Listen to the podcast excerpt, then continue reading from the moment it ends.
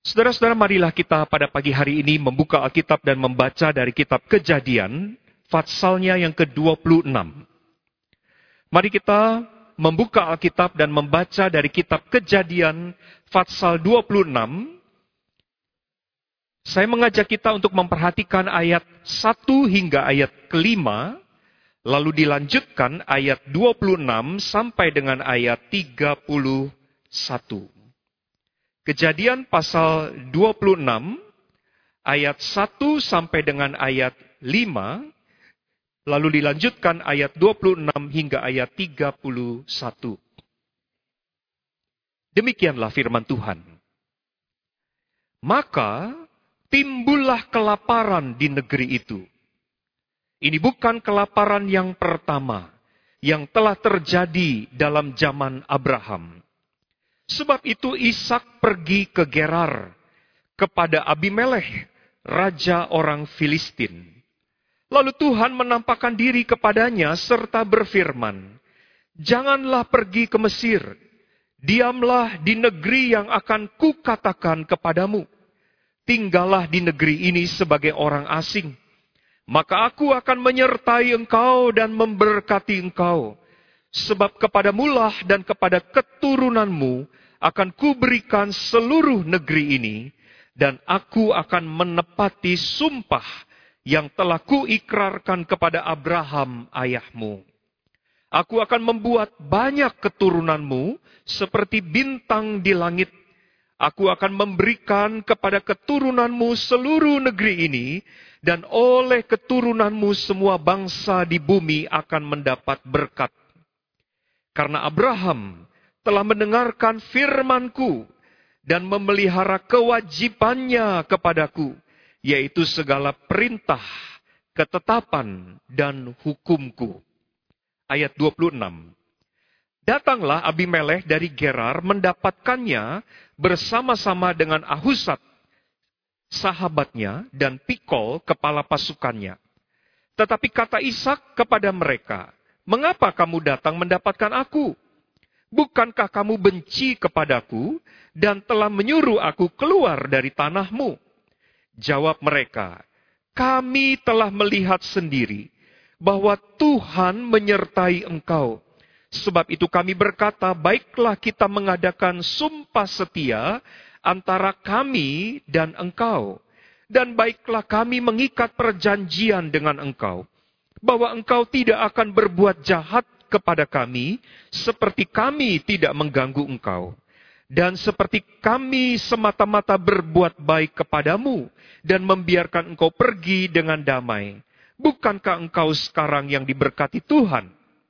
Kemudian Ishak mengadakan perjamuan bagi mereka, lalu mereka makan dan minum. Keesokan harinya, pagi-pagi, bersumpah-sumpahanlah mereka Kemudian Ishak melepas mereka dan mereka meninggalkan dia dengan damai. Sampai di situ pembacaan Alkitab untuk kita renungkan bersama pada pagi hari ini. Saudara-saudara yang kekasih di dalam Tuhan Yesus Kristus, tema perenungan firman Tuhan pada hari ini adalah penyertaan Tuhan bagi hamba yang dicintainya. Bapak, Ibu, dan saudara-saudara, ada banyak cara Allah menyatakan kehadirannya atau menyatakan kasihnya kepada umatnya. Ada banyak cara Allah menyatakan cintanya kepada Bapak, Ibu, dan kepada saya. Salah satunya, saudara-saudara, adalah melalui kehadirannya di dalam hidup kita yang menyertai kita. Saudara-saudara, sejak perjanjian lama, melalui tiang awan dan tiang api, hingga sampai pada perjanjian baru melalui kelahiran Yesus Kristus, Allah Sang Immanuel itu, Allah hendak menyatakan dirinya kepada kita bahwa dia adalah Allah yang hadir. Allah yang hadir menyertai umatnya. Karena itu saudara-saudara kehadiran Allah dan penyertaan Allah merupakan tindakan yang Allah lakukan sejak perjanjian lama sampai perjanjian baru, bahkan sampai hari ini di dalam hidup kita sekalian.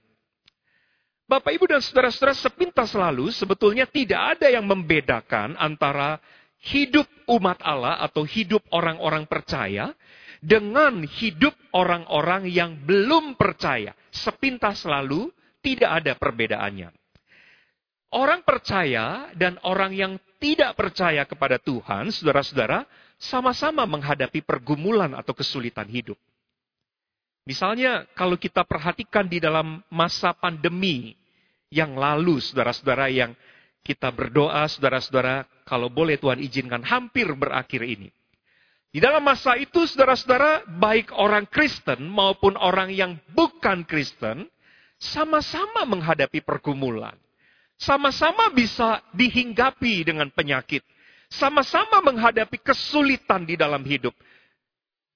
Saudara-saudara, orang percaya dan orang yang tidak percaya juga sama-sama harus berjuang di masa pandemi itu, saudara-saudara, ada banyak orang, siapa pun dia, harus berjuang, bangkit kembali dari keterpurukannya, dari usahanya, dari bisnisnya, dari pekerjaannya yang mungkin menghadapi satu kesulitan yang begitu besar di dalam masa-masa itu, saudara-saudara. Tetapi saudara-saudara, kendati pun orang percaya ataupun orang yang tidak percaya, sama-sama bergumul yang membedakan ada satu, saudara-saudara. Yang membedakan adalah bahwa orang percaya, saudara dan saya, menjalani kehidupan kita, menghadapi pergumulan kita, menghadapi kesulitan hidup, melawan sakit penyakit, berjuang dalam kerja keras, bersama-sama dengan Tuhan. Itu bedanya kenyataan yang kita hadapi sama, kesulitan-kesulitan itu, tetapi bedanya adalah kita menghadapinya bersama-sama dengan Tuhan yang hadir dan menyertai kita. Nah, saudara-saudara, hari ini kita akan belajar dari pengalaman hidup seorang bapak leluhur Israel yang bernama Ishak. Kita mengenal, saudara-saudara, ada tiga bapak leluhur Israel yang selalu disebut namanya Abraham, Ishak, Yakub. Di antara ketiga bapak leluhur ini, saudara-saudara, maka Ishak, catatan tentang dia, cerita tentang dia, saudara-saudara, tidak banyak. Kalau dibandingkan kisah-kisah yang dicatat di dalam Alkitab tentang Abraham, atau tentang Yakub misalnya masih jauh lebih banyak dibandingkan cerita atau catatan Alkitab tentang Ishak. Tetapi saudara-saudara, catatan tentang Ishak yang tidak begitu banyak itu saudara-saudara, kita lihat di dalam salah satunya adalah pasal yang kita baca pada hari ini, satu pasal yang sangat indah. Satu pasal yang menceritakan pengalaman di mana Ishak dan keluarganya menghadapi pergumulan yang begitu sulit pergumulan sulit yang dihadapi oleh Ishak adalah bencana kelaparan. Saudara-saudara ini bukan hanya sekedar lapar, bukan hanya sekedar sekedar feel hungry, tetapi kelaparan. Ya, satu satu kondisi yang begitu sulit yang dihadapi oleh Ishak dan keluarganya dan juga orang-orang yang hidup pada masa itu. Mereka tidak punya bahan makanan untuk dimakan dan banyak orang yang mati di dalam masa kelaparan itu. Oleh sebab itu, saudara-saudara Ishak dicatat di dalam Alkitab memutuskan untuk meninggalkan tanah perjanjian. Dia memutuskan untuk pergi ke tempat lain. Kalau kita perhatikan tadi di dalam bacaan kita, dia memutuskan untuk pergi ke Mesir, menyelamatkan dirinya dan keluarganya. Nah, saudara-saudara, episode yang kita baca pada hari ini menceritakan proses perjalanan Ishak dan keluarganya yang telah sampai di satu tempat yang bernama Gerar. Gerar adalah wilayah negeri orang Filistin. Di mana kita tahu, pada kemudian hari, saudara-saudara kita kenal, bangsa Filistin adalah musuh orang Israel. Saudara-saudara, perjalanan hidup Ishak kalau kita mau perhatikan atau kita mau gambarkan saudara-saudara, saya melukiskannya laksana dia naik sebuah roller coaster.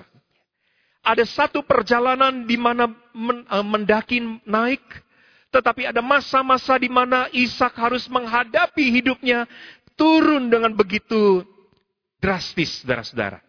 Salah satunya adalah bahaya kelaparan yang kita baca yang dihadapi oleh Ishak pada waktu itu. Dia harus mengungsi, dia harus pergi mencari keselamatan untuk dirinya dan untuk keluarganya sampai ke Mesir. Tetapi ketika perjalanan menurun itu, kita membaca di dalam Alkitab, Tuhan menyertai dan memberkati dia sehingga dia naik kembali. Kalau kita perhatikan grafik hidupnya yang menurun itu, kemudian karena pertolongan Tuhan naik kembali. Kita juga melihat, saudara-saudara, di dalam bagian yang tidak kita baca pada hari ini, saudara-saudara, adalah kisah tentang Ishak, di mana ketika dia tiba di Gerar itu, dia kemudian melakukan persis yang dilakukan oleh bapaknya, Abraham. Saudara-saudara, Ishak punya istri yang bernama Ribka yang parasnya begitu elok. Ketika dia sampai ke Gerar, dia merasa takut kalau-kalau istrinya ini direbut orang karena kecantikannya. Dan karenanya dia bisa menjadi korban, dibunuh gara-gara ada orang mau merebut istrinya dari dalam dari genggaman tangannya. Oleh sebab itu, saudara-saudara, apa yang dilakukan oleh Ishak, saudara-saudara, Ishak berbohong. Persis seperti yang dilakukan oleh Abraham. Ishak mengatakan bahwa Rika ini adalah saudaranya. Tetapi saudara-saudara ada satu peristiwa di mana akhirnya Raja Abimelech itu, Abimelech itu melihat satu kali Ishak sedang berpelukan dengan istrinya. Dan ketahuanlah bahwa itu bukan saudarinya, tetapi itu istrinya. Ada saat di mana Ishak begitu takut. Takut dibunuh. Takut istrinya direbut oleh orang lain. Pengalaman lain, saudara-saudara, di dalam hidup Ishak, di bagian yang tidak kita baca, tetapi ada pada pasal yang kita baca pada hari ini adalah di dalam masa kelaparan itu, akhirnya tinggallah Ishak di Gerar, Ketika dia tinggal di sana, saudara-saudara, dia harus membangun hidupnya atau mencari mata pencahariannya dengan menggali sumur untuk melanjutkan kehidupan. Setelah berhasil dia menggali sumur, saudara-saudara, apa yang terjadi? Kemudian sumur yang sudah berhasil digalinya, yang dikatakan oleh Alkitab, airnya itu dari mata airnya itu sampai membual-bual, sampai begitu besar alirannya. Begitu deras aliran mata air dari sumur yang digali oleh Ishak. Tetapi apa yang dilakukan oleh orang-orang di Gerar? Orang-orang di sana merasa cemburu kepada Ishak. Karena keberhasilannya. Karena kekayaan yang berhasil dikumpulkannya di masa sulit itu. Akhirnya apa? Orang-orang itu kemudian menimbun sumurnya itu dengan tanah dan kemudian Ishak harus pindah ke tempat lain, mencari mata air baru, menggali sumur baru, mencari mata pencarian baru. Ketika sudah mendapatkannya, orang-orang jahat itu kembali menjahati dia, menimbun sumur itu dengan tanah, dan kemudian Ishak harus pergi ke tempat lain.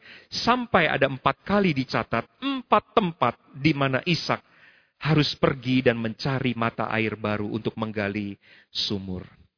Saudara-saudara, kalau kita melihat saudara-saudara perjalanan yang naik turun di dalam hidup Ishak. Tapi satu hal yang kita lihat.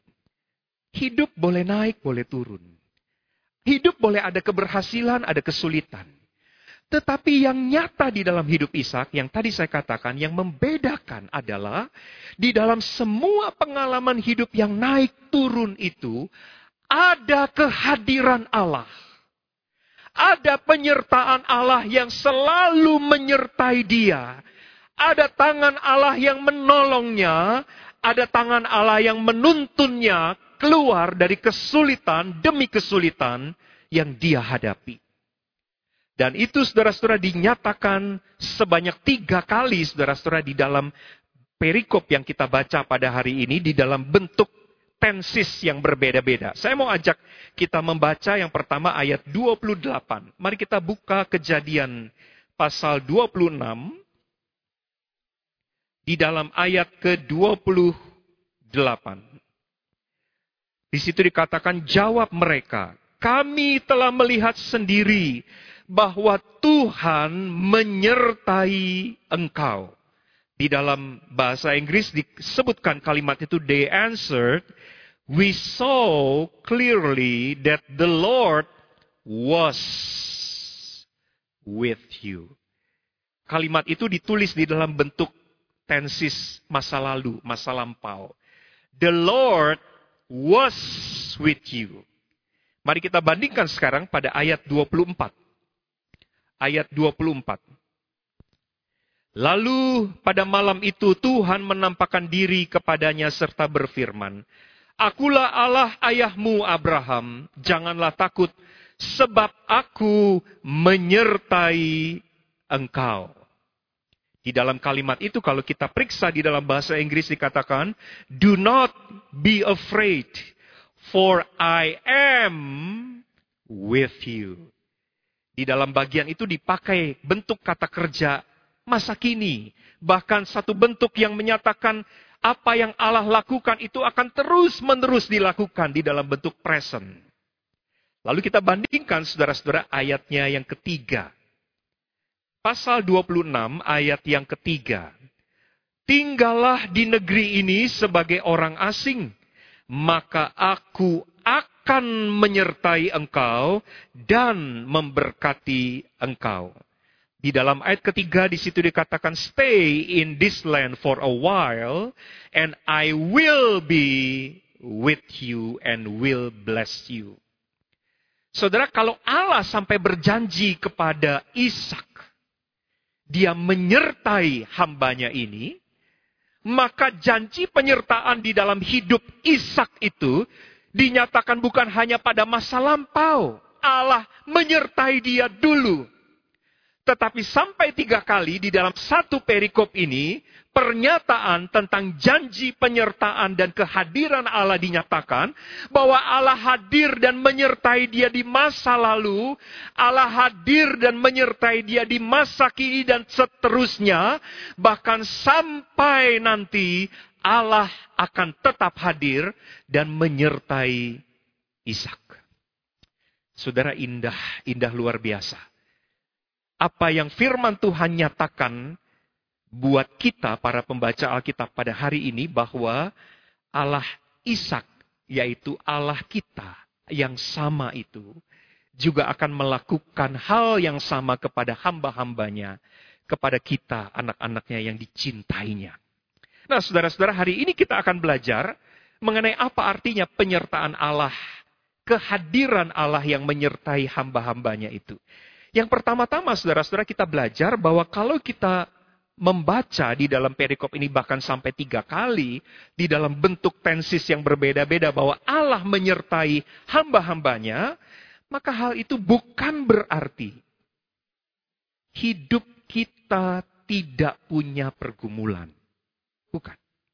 Bukan berarti hidup kita tidak punya masalah. Bukan, saudara-saudara. Penyertaan Tuhan berarti apa? Berarti ada kekuatan, ada pertolongan di tengah-tengah pergumulan atau masalah yang kita hadapi. Bukan tidak ada masalah, tetapi ada kekuatan menghadapi masalah. Saudara-saudara, saya mengingat sebuah puisi yang ditulis oleh seorang yang bernama Margaret Fishback. Saudara mungkin sudah pernah membaca uh, puisi ini yang di dalam bahasa Inggris ditulis di, di, dengan judul Footprints, diterjemahkan di dalam bahasa Indonesia dengan judul Jejak Kaki. Ya. Margaret Fishback menuliskan puisi itu dengan kalimat demikian. Suatu malam aku bermimpi. Aku berjalan di tepi pantai dengan Tuhan. Di bentangan, di bentangan langit gelap, tampak kilasan-kilasan adegan hidupku. Di tiap adegan aku melihat dua pasang jejak kaki di atas pasir. Satu pasang jejak kakiku, yang lain adalah jejak kaki Tuhan. Ketika adegan terakhir terlintas di depanku, aku menengok kembali pada jejak kaki di atas pasir. Ternyata di situ hanya ada satu pasang jejak kaki. Aku mengingat kembali bahwa itu adalah bagian yang tersulit dan paling menyedihkan di dalam hidupku. Hal ini mengganggu perasaanku. Dan karenanya aku bertanya kepada Tuhan tentang keherananku itu. Tuhan, Engkau berkata ketika aku berketetapan mengikut Engkau, Engkau akan berjalan dengan aku sepanjang jalan. Namun ternyata pada masa yang paling sulit dalam hidupku, hanya ada satu pasang jejak kaki. Aku tidak mengerti mengapa justru pada saat aku sangat membutuhkan engkau, engkau meninggalkan aku.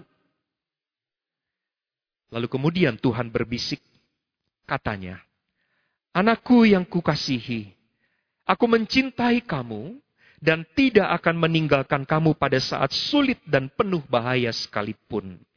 Ketika kamu melihat hanya ada satu pasang jejak kaki, itu adalah jejak kakiku.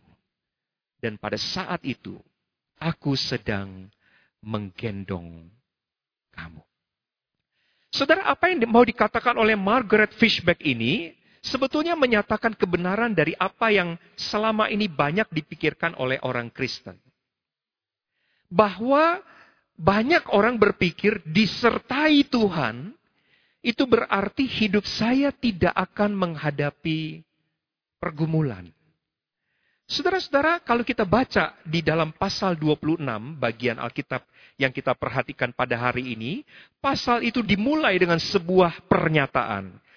Timbullah kelaparan. Belum kita membaca ceritanya, satu pernyataan, yaitu pernyataan ada problem, ada masalah timbullah kelaparan.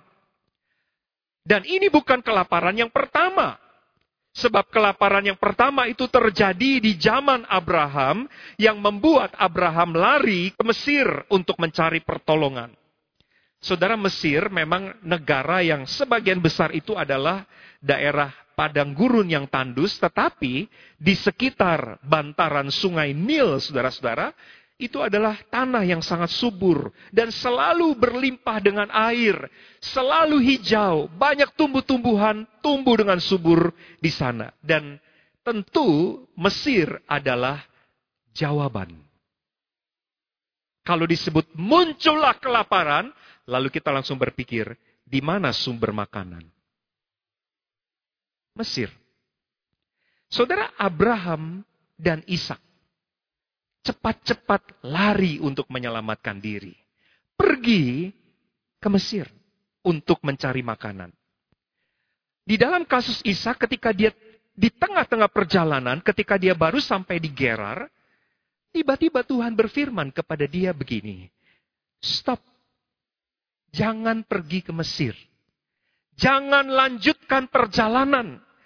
Tetaplah tinggal di sini Saudara, ketika saya persiapkan bagian ini, saya berpikir aneh sekali cara berpikirnya Tuhan. Jelas-jelas jawaban di dalam masa kelaparan ini adalah tempat yang subur seperti Mesir. Tetapi saya masih di tengah perjalanan, masih di Gerar, jalan yang masih penuh dengan kesulitan dan pergumulan ini. Kenapa Tuhan menyuruh saya berhenti? Saudara membatalkan pergi ke sungai Nil dan tetap tinggal di Gerar, itu berarti hidup menghadapi kesulitan. Berarti apa saudara-saudara? Kelaparan masih di depan mata. Berarti apa? Tidak ada sesuatu untuk dimakan. Bahkan tidak ada air untuk diminum. Hidup di Gerar dan tidak sampai ke sungai Nil, itu berarti saya harus kerja keras, gali sumur, cari air. Kalau saya ke sungai Nil, air sudah berlimpah-limpah di situ. Ada di Gerar, saudara-saudara itu berarti harus kerja keras. Dan belum tentu berhasil. Gali sumur belum tentu airnya keluar. Belum tentu mata airnya memancarkan air. Saudara-saudara, apa yang Tuhan suruh untuk Ishak lakukan adalah stop, tinggal di Gerar. Problem kan? Masalah kan itu. Itu kesulitan kan? Tetapi apa yang Tuhan katakan selanjutnya, saudara-saudara? Aku akan menyertai engkau.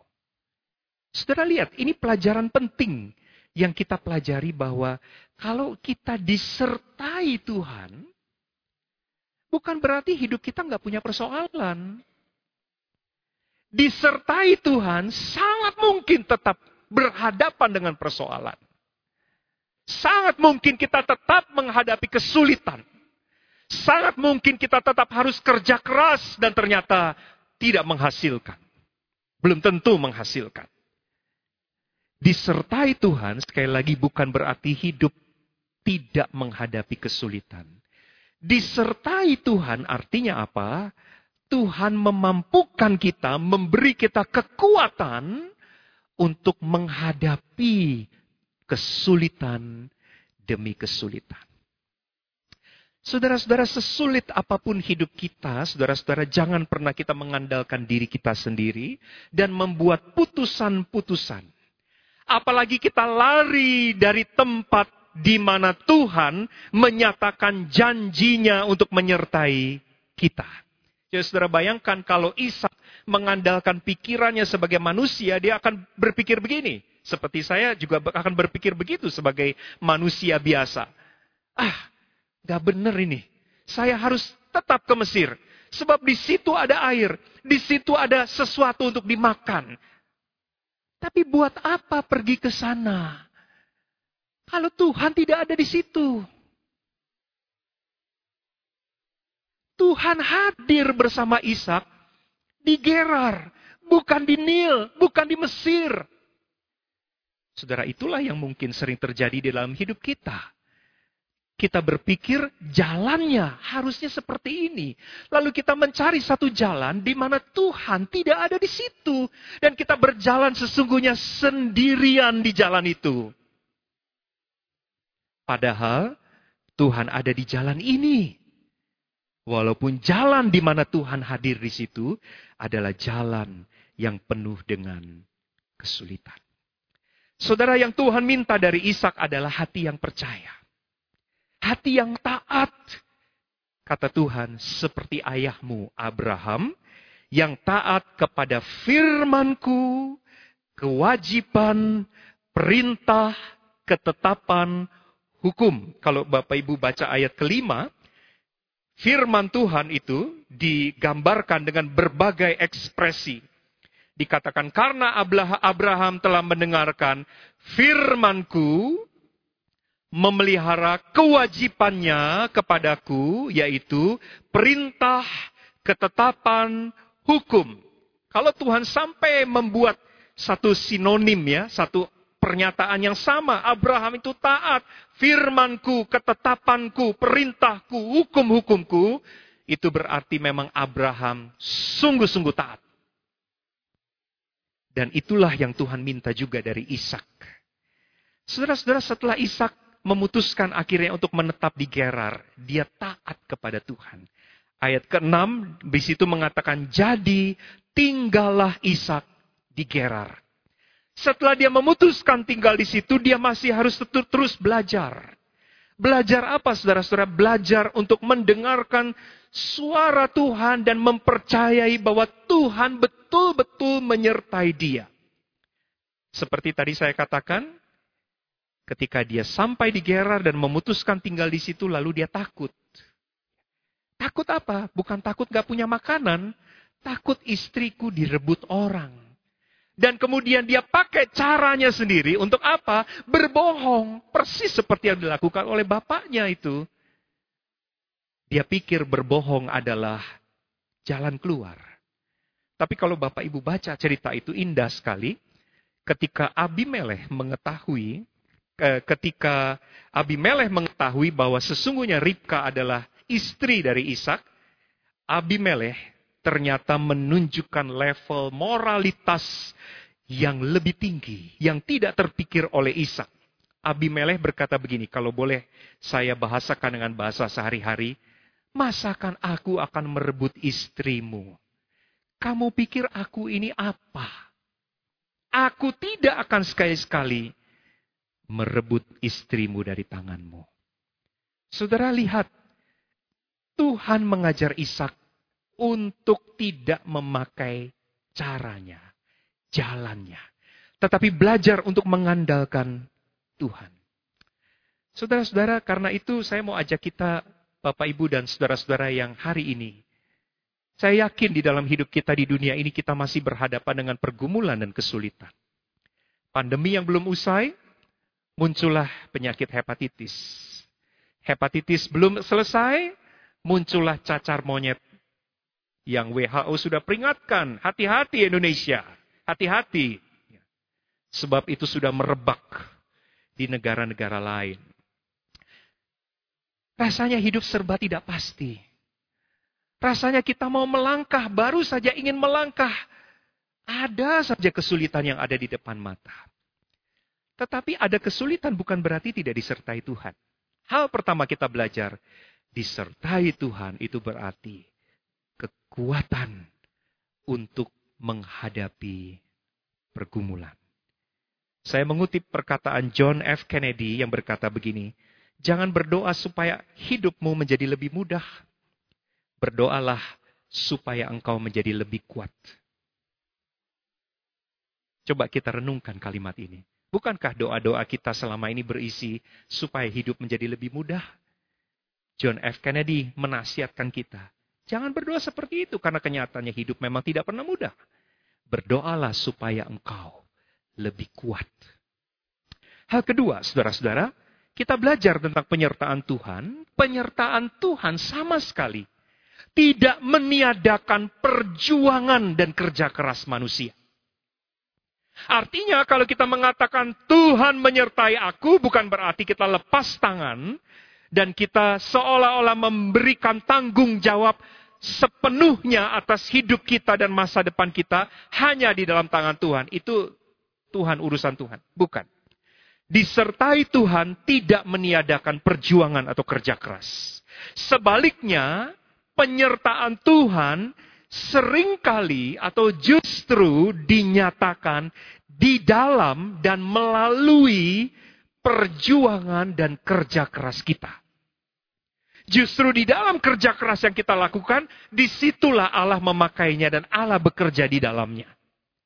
Saudara-saudara ayat ke-12 mencatat bahwa di situ dikatakan, maka menaburlah Ishak di tanah itu, di Gerar. Ini luar biasa. Semua lagi menghadapi kelaparan, semua lagi sulit. Ishak menabur, lalu Tuhan menumbuhkan benih-benih yang ditaburkan itu. Kalau Bapak Ibu membaca di ayat yang ke-13, ini pernyataan yang sampai diulang-ulang, dan orang itu, Ishak maksudnya, menjadi kaya bahkan kian lama kian kaya, sehingga ia menjadi sangat kaya. Ada tiga kali kata kaya diulang di situ. Ishak menjadi kaya, kian lama, kian makin kaya, bahkan dia menjadi yang paling kaya. Di tengah-tengah masa sulit itu. Keberhasilannya itu tidak turun dari langit. Kekayaannya itu tidak muncul dipungut di tanah karena turun dari langit tanpa usaha. Tetapi diperolehnya dengan usaha. Menaburlah Ishak. Menabur, ada usaha, ada kerja, ada menabur. Bahkan kalau kita baca ayat-ayat berikutnya, ada menggali. Saudara bayangkan, Ishak harus menggali sumur, sudah keluar airnya, Lalu ada orang benci dia. Orang-orang Gerar mengatakan, kamu ini pendatang. Tapi kamu lebih kaya daripada kami penduduk asli Gerar. Kamu ini akan menjadi trouble buat kami. Lalu diusir si Ishak dan keluarganya itu. Sumur yang sudah digalinya dengan capek-capek ditimbun lagi dengan tanah. Ishak pindah ke tempat kedua, terjadi lagi seperti itu. Sampai empat kali, saudara-saudara. Sampai dicatat di dalam bagian itu sampai dia pindah ke satu tempat yang bernama Rehobot. Di situlah kali kesekian dia harus mencari air untuk hidupnya. Saudara-saudara, tetapi apa yang Tuhan buka? Nggak bisa ditutup manusia. Dan apa yang Tuhan tutup? Nggak bisa dibuka oleh manusia. Kalau Tuhan mau memberkati Ishak lewat kerja kerasnya, maka memang berkat itu adalah untuk Ishak. Orang mau benci dia, orang mau jahatin dia, orang mau curangi dia, tidak berhasil. Berkat Tuhan diberikan kepada Ishak lewat kerja keras dan usahanya. Bapak Ibu kita belajar hari ini bahwa penyertaan Tuhan tidak pernah membuat Bapak Ibu dan saya kemudian menjadi bebas atas tanggung jawab kita, atas hidup kita sendiri. Tidak. Tetap harus ada kerja. Kalau masa pandemi ini, saudara-saudara mungkin di antara Bapak Ibu, saya sangat prihatin kalau dia ada di antara kita yang mengalami usaha, pekerjaan, bisnis yang kita rintis itu kemudian mengalami satu kondisi yang begitu menyedihkan hari ini. Saudara, Tuhan akan bekerja. Tetapi Tuhan bekerja di dalam dan melalui apa yang kita kerjakan. Karena itu lakukan bagian kita. Lakukan apa yang menjadi tanggungan kita. Tanggung jawab kita. Bahwa kita harus bangkit kembali, bangun kembali, kerja keras kembali, walaupun sepertinya mulai dari nol lagi nggak apa-apa mulai lagi, kerja lagi, usaha lagi, berjuang lagi. Karena penyertaan Tuhan dinyatakan kepada Bapak Ibu sekalian di dalam apa yang Bapak Ibu kerjakan. Dan bagian yang terakhir, yang ketiga, saudara-saudara. Goal dari karya Tuhan yang menyertai kita itu tidak berhenti semata-mata untuk diri kita. Tetapi untuk orang-orang lain, bahkan terutama Tuhan memaksudkannya untuk dirinya sendiri. Kita melihat ayat yang ke-28, saudara-saudara, ketika di situ dikatakan jawab mereka, kami, Abimelech dan kawan-kawannya, kami telah melihat sendiri bahwa Tuhan menyertai engkau. Sebab itu kami berkata, baiklah kita mengadakan sumpah setia antara kami dan engkau, dan baiklah kami mengikat perjanjian dengan engkau. Saudara Abimelech, orang Filistin itu, yang di dalam kacamatanya Israel selalu disebut bangsa ini tidak mengenal Allah Yahweh. Tetapi di ayat ke-28 yang tadi saya bacakan, Abimelech mengatakan, kami telah melihat. Kami telah melihat sendiri bahwa Tuhan menyertai engkau.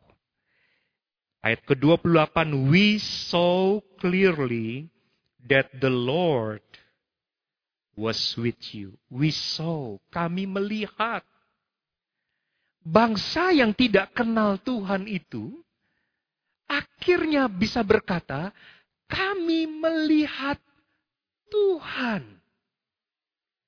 Saudara, ini kan indah sekali. Ternyata ketika Tuhan bekerja di dalam hidup kita, Tuhan berkarya di dalam kehidupan kita dan memakai persoalan-persoalan yang Bapak, Ibu, dan saya hadapi dan Tuhan bekerja di dalamnya, itu bukan hanya dimaksudkan untuk menolong kita. Tetapi Tuhan punya maksud yang lebih jauh dari itu, bahkan sampai-sampai bangsa Filistin itu bisa melihat Tuhan yang tidak mereka kenal itu.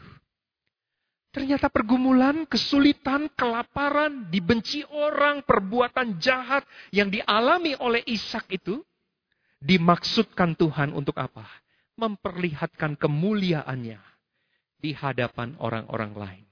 Kita membaca itu banyak contoh saudara-saudara di dalam perjanjian lama. Ketika Yusuf akhirnya difitnah oleh saudara-saudaranya, lalu kemudian dia dijual sebagai budak, lalu difitnah di rumah Potifar, dia dijebloskan ke dalam penjara.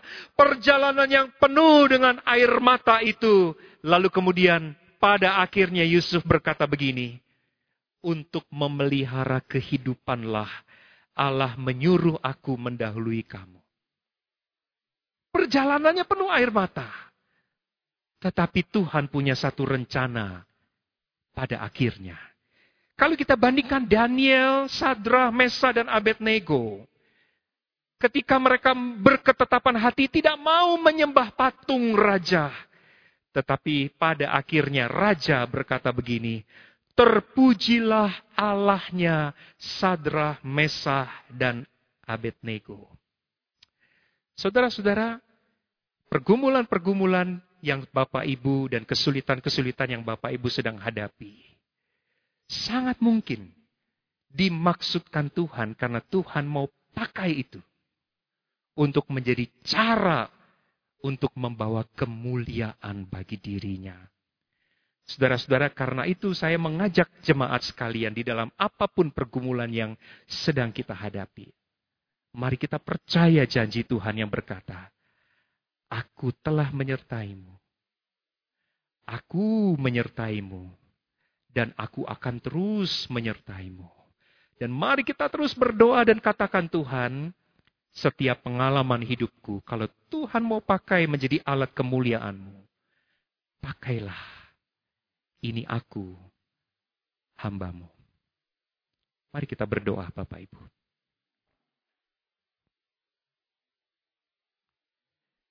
Tuhan kami bersyukur untuk firman-Mu yang boleh kami renungkan. Pengalaman hidup Ishak yang begitu sulit. Kami merefleksikannya juga dengan pengalaman hidup kami yang juga sedang mengalami kesulitan. Tetapi di dalam semua itu kami belajar satu hal yang indah. Kehadiranmu, penyertaanmu. Sedetik pun Tuhan tidak pernah absen dari dalam hidup kami. Sedetik pun engkau tidak pernah terlelap dan tidak pernah tertidur. Wahai engkau Allah penjaga Israel.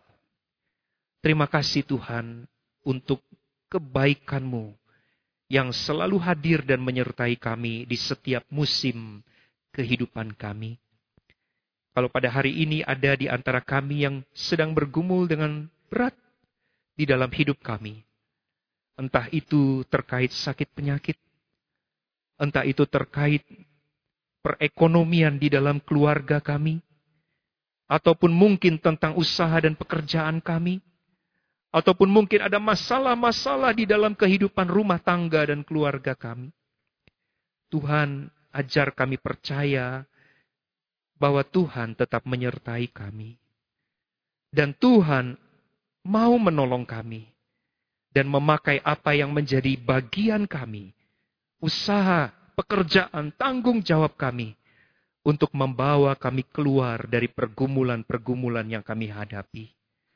Mari Tuhan, biarlah Engkau dipermuliakan, bahkan sekalipun kami harus melewati lembah yang penuh dengan air mata dan pergumulan yang berat ini. Kalau Tuhan mau memakainya untuk membawa kemuliaan bagi namamu, permuliakanlah dirimu ya Tuhan. Terima kasih Bapa, terima kasih. Kami berdoa di dalam nama Tuhan kami, Yesus Kristus. Amin.